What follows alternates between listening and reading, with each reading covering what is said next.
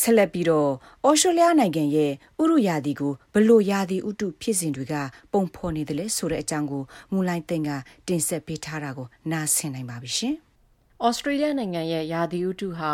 climate drivers လို့ခေါ်တဲ့ရာသီဥတုဖြစ်စဉ်အမျိုးမျိုးရဲ့လွှမ်းမိုးမှုအပေါ်မူတည်ပြီးအပြောင်းလဲတွေဖြစ်နေပါတယ်။ဩစတြေးလျနိုင်ငံမှာအဖြစ်အများဆုံးရာသီဥတုဖြစ်စဉ်တွေကတော့ El Niño နဲ့ La Niña တို့ဖြစ်ပြီးအဲ့ဒီရာသီဥတုဖြစ်စဉ်တွေဟာတခြားနိုင်ငံတွေရဲ့ရာသီဥတုအတွက်အရေးပါတဲ့ဖြစ်စဉ်တွေလည်းဖြစ်ပါတယ်။ El Niño နဲ့ La Niña ဖြစ်စဉ်တွေဟာကမ္ဘာရာသီဥတုစနစ်ရဲ့သဘာဝအစိတ်အပိုင်းတစ်ခုဖြစ်ပါတယ်။ La Niña ရာသီဥတုဖြစ်စဉ်ကတော့ပုံမှန်ထက်မိုးရွာသွန်းမှုများပြားတဲ့ဖြစ်စဉ်ဖြစ်ပြီး အထူးသဖြင့်ဩစတြေးလျနိုင်ငံအရှေ့ပိုင်းနဲ့မြောက်ပိုင်းဒေသမှာမိုးများလေရှိပြီးမိုးများခြင်းနဲ့အတူရေကြီးမှုတွေလည်းဖြစ်လေဖြစ်ထရှိပါတယ်။ El Niño ရာသီဥတုဖြစ်စဉ်ကတော့တန်မှန်ထက်မိုးနှဲခြင်းရာသီဥတုဖြစ်စဉ်ဖြစ်ပါတယ်။ El Niño ရာသီဥတုဖြစ်စဉ်မှာဩစတြေးလျနိုင်ငံအရှေ့ပိုင်းနဲ့မြောက်ပိုင်းမှာတန်မှန်ထက်မိုးနှဲလေရှိပါတယ်။အဲ့ဒီဖြစ်စဉ်ဟာ El Niño Southern Oscillation ENSO ဆိုတဲ့တဘာဝပြောင်းလဲမှုထဲပါဝင်တယ်လို့ University of Southern Queensland က Applied Climate Science Center ရဲ့ Director ပါမောက္ခ Scott Power ကရှင်းပြထားပါတယ်။ The El Niño Southern Oscillation is the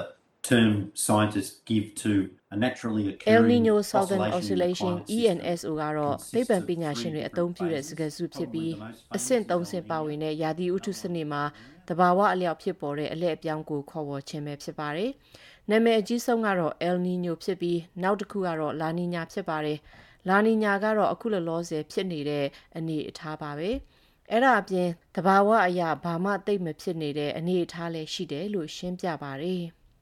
El Niño နဲ့ La Niña ရာသီဥတုဖြစ်စဉ်တွေဟာပစိဖိတ်သမုဒ္ဒရာနဲ့အပေါ်ကလေထုမှာတာမန်အဆင့်ကနေတခြားရာသီဥတုအခြေအနေပြောင်းလဲသွားတဲ့အခါမှာ El Niño ဒါမှမဟုတ် La Niña ရာသီဥတုဖြစ်ပေါ်စေတာလို့ပါမောက္ခ Power ကပြောဆိုလိုက်ပြီးသူဟာ Monash တက္ကသိုလ်က School of Earth Atmosphere and Environment ရဲ့ပညာရှင်တူလည်းဖြစ်ပါတယ်။ During El Nino, the oceans tend to warm up in the central and eastern Pacific. and the ocean tends El Nino ဖြစ်စဉ်အတွင်းသမုဒ္ဒရာအလယ်ပိုင်းနဲ့အရှေ့ပိုင်းမှာပိုနွေးလာပြီးတော့ဩစတြေးလျနိုင်ငံရဲ့မြောက်ပိုင်းနားကသမုဒ္ဒရာနဲ့အရှေ့တောင်အာရှဒေသမှာပိုပြီးတော့အေးချမ်းလေးရှိပါတယ်။အဲဒီလိုသမုဒ္ဒရာရဲ့အပြောင်းလဲတွေကလေထုရဲ့အနေအထားအပေါ်အများကြီးသက်ရောက်မှုရှိပြီးအဲဒီလိုအနေအထားမှာအရှေ့တောင်အာရှနဲ့ဩစတြေးလျမြောက်ပိုင်းမှာ လေနဲ့မိုးရေတွေနှဲပါ6တွေ့ပြီးတော့အရှိဘက်ပိုင်းမှာမိုးများတာမျိုးဖြစ်နိုင်တယ်လို့ရှင်းပြပါရယ်။လာနီညာကတော့ El Niño ရဲ့ပြောင်းပြန်ဖြစ်တယ်လို့ပမောက္ခ Power ကပြောပါရယ်။ La Nina, which is what we're in at the moment, tends to do the opposite. So the waters north of Australia and in southeast Asia. လာနီညာရာသီဥတုဖြစ်စဉ်ကတော့အခုလောလောဆယ်ကြုံတွေ့နေရဆဲဖြစ်စဉ်ဖြစ်ပြီးသူကတော့ El Niño နဲ့ဆက်ကျင်ပဲဖြစ်ပါတယ်။ဒီဖြစ်စဉ်မှာဩစတြေးလျနိုင်ငံမြောက်ပိုင်းနဲ့အရှေ့တောင်အာရှရဲ့ရေပြင်မှာပူနွေးမှုတွေဖြစ်လို့မိုးအများကြီးရွာသွန်းလို့ဆူဆူမှုတွေဖြစ်စေပါတယ်။သမုဒ္ဒရာရေပြင်ပူနွေးလာတဲ့အခါမှာ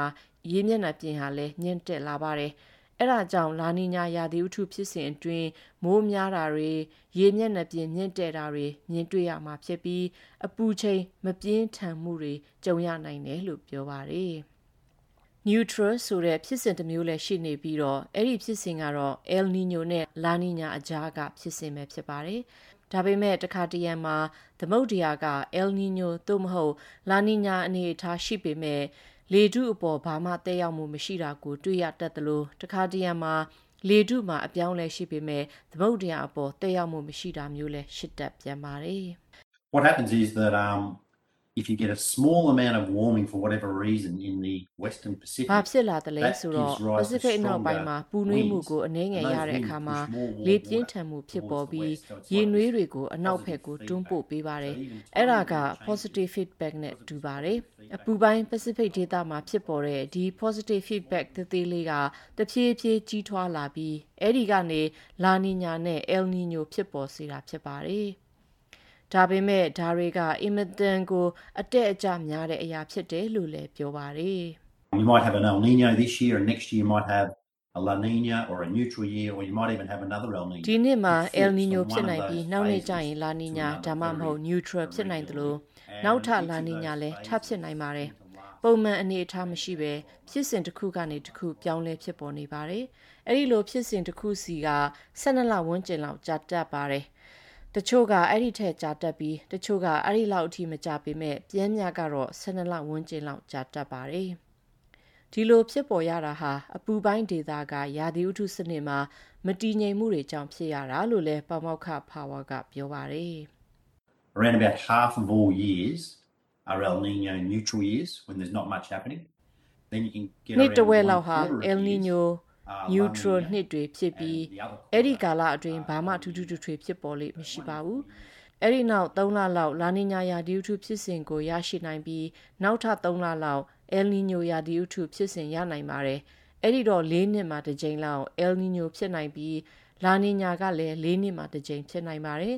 neutral ကတော့နှစ်နှစ်မှတစ်ကြိမ်လောက်ကိုဖြစ်နိုင်ပါတယ်ဒါတွေကတော့ပြင်းပြဖြစ်လေဖြစ်တာရှိတာဖြစ်တယ်လို့ရှင်းပြပါတယ်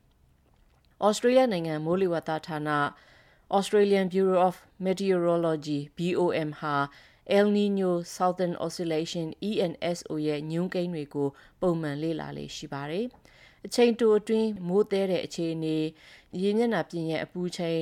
ရေတွေရဲ့အတိမ်နဲ့သမုဒ္ဒရာရဲ့အပူချိန်လေထုဖိအားတိမ်ထူထားမှု ရေလှိုင်းတွေရဲ့အနေအထားသမုဒ္ဒရာစီးဆင်းမှုအနေအထားနဲ့ Southern Oscillation Index စတာတွေအားလုံးကို ပုံမှန်လေ့လာတာဖြစ်ပါတယ်။ Southern Oscillation Index ဆိုတာဘာလဲဆိုရင်တော့တဟေတီကနေဒါဝင်မြို့အကြားက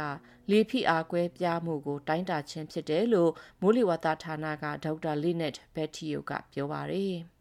The Southern Oscillation Index is actually the atmospheric part of the El Nino and La Nina events. Southern when we Oscillation talk Index aboutဆိုတာ ENSO, it's El Nino actually နဲ့ stands La for Nina El ရဲ့လေထု Nino အစိတ်ပိုင်း Southern ကိုပြောဆိုတာဖြစ် Oscillation, ပါတယ် just really indicating that it's ENSO လို့ really ပြောတဲ့ important အခါမှာ for the sea El surface Nino Southern temperatures Oscillation and ကိုပြောတာ the ဖြစ်ပြီး atmosphere ပင်လယ် to ရေ be မျက်နှာ acting ပြင်ရဲ့အ together. ပူချိန် We've နဲ့ been လေ actually ထုတွေ able ရဲ့ to အခြေ see အနေ well, ကိုကိုက်ညီမှု um, ရှိမရှိ when ဆိုတာ the ကို Southern အဓိက Oscillation ညွှန် is ပြ low, ထားတာ then ဖြစ် we're ပါတယ် following အဲ့ဒီလိုညွန်ပြချက်တွေကိုကြည့်ပြီး El Nino ဖြစ်မလား La Nina ဖြစ်မလား Australia ရဲ့မိုးရွာသွန်းမှုအပေါ်တက်ရောက်မှုရှိနိုင်မရှိနိုင်စတာတွေကို လေ့လာတာဖြစ်တယ်လို့ဆိုပါတယ်။ Australia နိုင်ငံမှာဖြစ်ပေါ်တဲ့မိုးခေါင်ရေရှားမှုအများစုဟာ El Nino ရာသီဥတုဖြစ်စဉ်နဲ့ဆက်ဆက်နေပေမဲ့အဲ့ဒီတခုတည်းမဟုတ်ပဲတခြားရာသီဥတုဖြစ်စဉ်နဲ့လည်းပတ်သက်နိုင်ပါတယ်။2019ခုနှစ်တုန်းကမိုးခေါင်ရေရှားပြီးတောမီလောင်မှုဖြစ်ခဲ့တုန်းကဆိုရင် El Nino တစ်ခုကြောင့်သာမဟုတ်ပဲအဲ့ဒီတုန်းက India Ocean Dipole IOD လို့ခေါ်တဲ့ရာသီဥတုဖြစ်စဉ်နောက်တစ်ခုကြောင့် Australia အပါအဝင်အိန္ဒိယသမုဒ္ဒရာရဲ့မိုးရွာသွန်းမှုအပေါ်တက်ရောက်မှုရှိခဲ့တယ်လို့ဆိုပါတယ်။ IOD မှာလည်းအမျိုးအစား၃ခုရှိပြီးအဲ့ဒါတွေကတော့ positive, negative နဲ့ neutral ဖြစ်ပါတယ်။ပြင်းပြအားဖြင့်အဆင့်တစ်ခုချင်းစီဟာ3နှစ်ကနေ5နှစ်ကြာမြင့်နိုင်ပါတယ်။ negative Indian Ocean Dipole ဆိုရင်မိုးများတယ်လို့ Climate Change Research Center နဲ့ CSIRO ကအရာရှိတူဖြစ်သူ Angus Santoso ကပြောပါတယ် Indian Ocean dipole is a phenomenon that is similar to ENSO, but it's occurring in the Indian, Indian India Ocean side. Ocean So the Dipole ဆိုတာ positive phase ENSO နဲ့ of the ဆင်တူတဲ့ Indian ရာသီဥ Ocean တု dipole ဖြစ်စဉ်တစ်ခု is ဖြစ်ပေ when မဲ့ the Pacific sea သမုဒ္ဒရာအစား surface temperature in the အိန္ဒိယ eastern သမုဒ္ဒရာ side မှာ of ဖြစ် the ပေါ်တဲ့ Indian အရာဖြစ်ပါတယ် Just positive အနေအထားဆိုရင်အိန္ဒိယသမုဒ္ဒရာအရှေ့ဘက်နဲ့ Australia နဲ့ Indonesia အနောက်ပိုင်းရေမျက်နှာပြင်ရဲ့အပူချိန်ဟာတာမန်ထက်အေးတက်ပါတယ်။အဲ့ဒီလိုအချိန်မှာ Australia အရှေ့ဘက်ကျမ်းမှာ6တွေ့တဲ့လေတွေဝင်လာတာလို့ပြောပါတယ်။နောက်ထပ်ရာသီဥတုဖြစ်စဉ်တစ်ခုကတော့ Southern Annular Mode ဖြစ်ပြီးသူကတော့ Australia တောင်ဘက်ကျမ်းအပေါ်တက်ရောက်မှုရှိစေတဲ့ရာသီဥတုဖြစ်စဉ်ဖြစ်ပါတယ်။သူ့ကို Antarctic Oscillation လို့လည်းခေါ်ပါတယ် The southern annular mode is an atmospheric condition which controls the location of the westerly winds Southern over Annular southern Mode ocean. ကတော့ Storms တောင် over သမုဒ္ဒ southern ရာ ocean. ရဲ့လေထုကို Southern ထိန်း part ချုပ် of နိုင်တဲ့ Australia ရာသီဥ like တုဖြစ်စဉ်တစ်ခုဖြစ်ပြီး So, during the Tasmania positive အပါအဝင် phase of Australia southern နိုင်ငံ annular တောင်ပိုင်းအပေါ် mode, တက်ရောက်မှု the ရှိတဲ့အရာ storm ဖြစ်ပါတယ် move southward. အဲ့ဒီတော့ So, positive southern southern part of annular Australia mode is ဖြစ်ပေါ်ရင် dry. လေတွေကတောင်ဘက်ကိုရွှေ့လျားသွားလို့ Australia တောင်ပိုင်းမှာပုံမှု6သွေးလေရှိပါတယ် အဲ့ဒီလိုအနေအထားအတွင်း Australia အရှေ့ဘက်ခြမ်းကနေလေတွေပိုးဝင်စေပါတယ်အဲ့ဒီကနေဆိုဆုမှုတွေဖြစ်ပြီးမိုးရွာသွန်းမှုတွေဖြစ်စေနိုင်တယ်လို့ရှင်းပြထားပါတယ်။အဲ့ဒီဖြစ်စဉ်ကလာနီညာနဲ့ပေါင်းမိသွားရင်တော့မိုးသီးထန်စွာရွာသွန်းမှုတွေဖြစ်စေတတ်ပါတယ်။ဒေါက်တာဖာဝါရဲ့အဆိုအရသဘာဝအလျောက်ဖြစ်ပေါ်တဲ့ရာသီဥတုဖြစ်စဉ်တွေအပြင် လူတွေကြောင့်ဖြစ်ပေါ်စေနိုင်တာတွေကိုလည်းထည့်သွင်းစဉ်းစားရမယ်လို့ပြောပါတယ်။ In addition to natural variability like El Nino Southern Oscillation, we've also got human forced El climate Nino change Oscillation နဲ့ operating ရာ in သီ the ဥတုဖြစ်စဉ် background. တွေအ And ပြင် so all of လူ these တွေရဲ့လောက်ရကြောင်း variability ရာသီဥ associated တု with ပြောင်းလဲ ENSO မှု and တွေ other လည်း things ဖြစ်ပေါ်နေ is ပါတယ် occurring now ဒီလို on ရာ top သီဥတု of ပြောင်းလဲမှုဖြစ်စဉ်နဲ့ long-term တခြားအရာတွေ warming, ပေါင်းလိုက်တဲ့အပြင် on top of ကဘာ long-term ကြီးပူနွေးလာမှု increases in sea level. ဩစတြေးလျနဲ့ကဘာသလွှားကပင်လယ်ရေမျက်နှာပြင်မြင့်တက်မှုဖြစ်စဉ်တွေလည်းရှိပါသေးတယ်။အဲ့ဒီတော့ဘာတွေဖြစ်နေသလဲဆိုတာကိုနားလည်ခြင်းရင်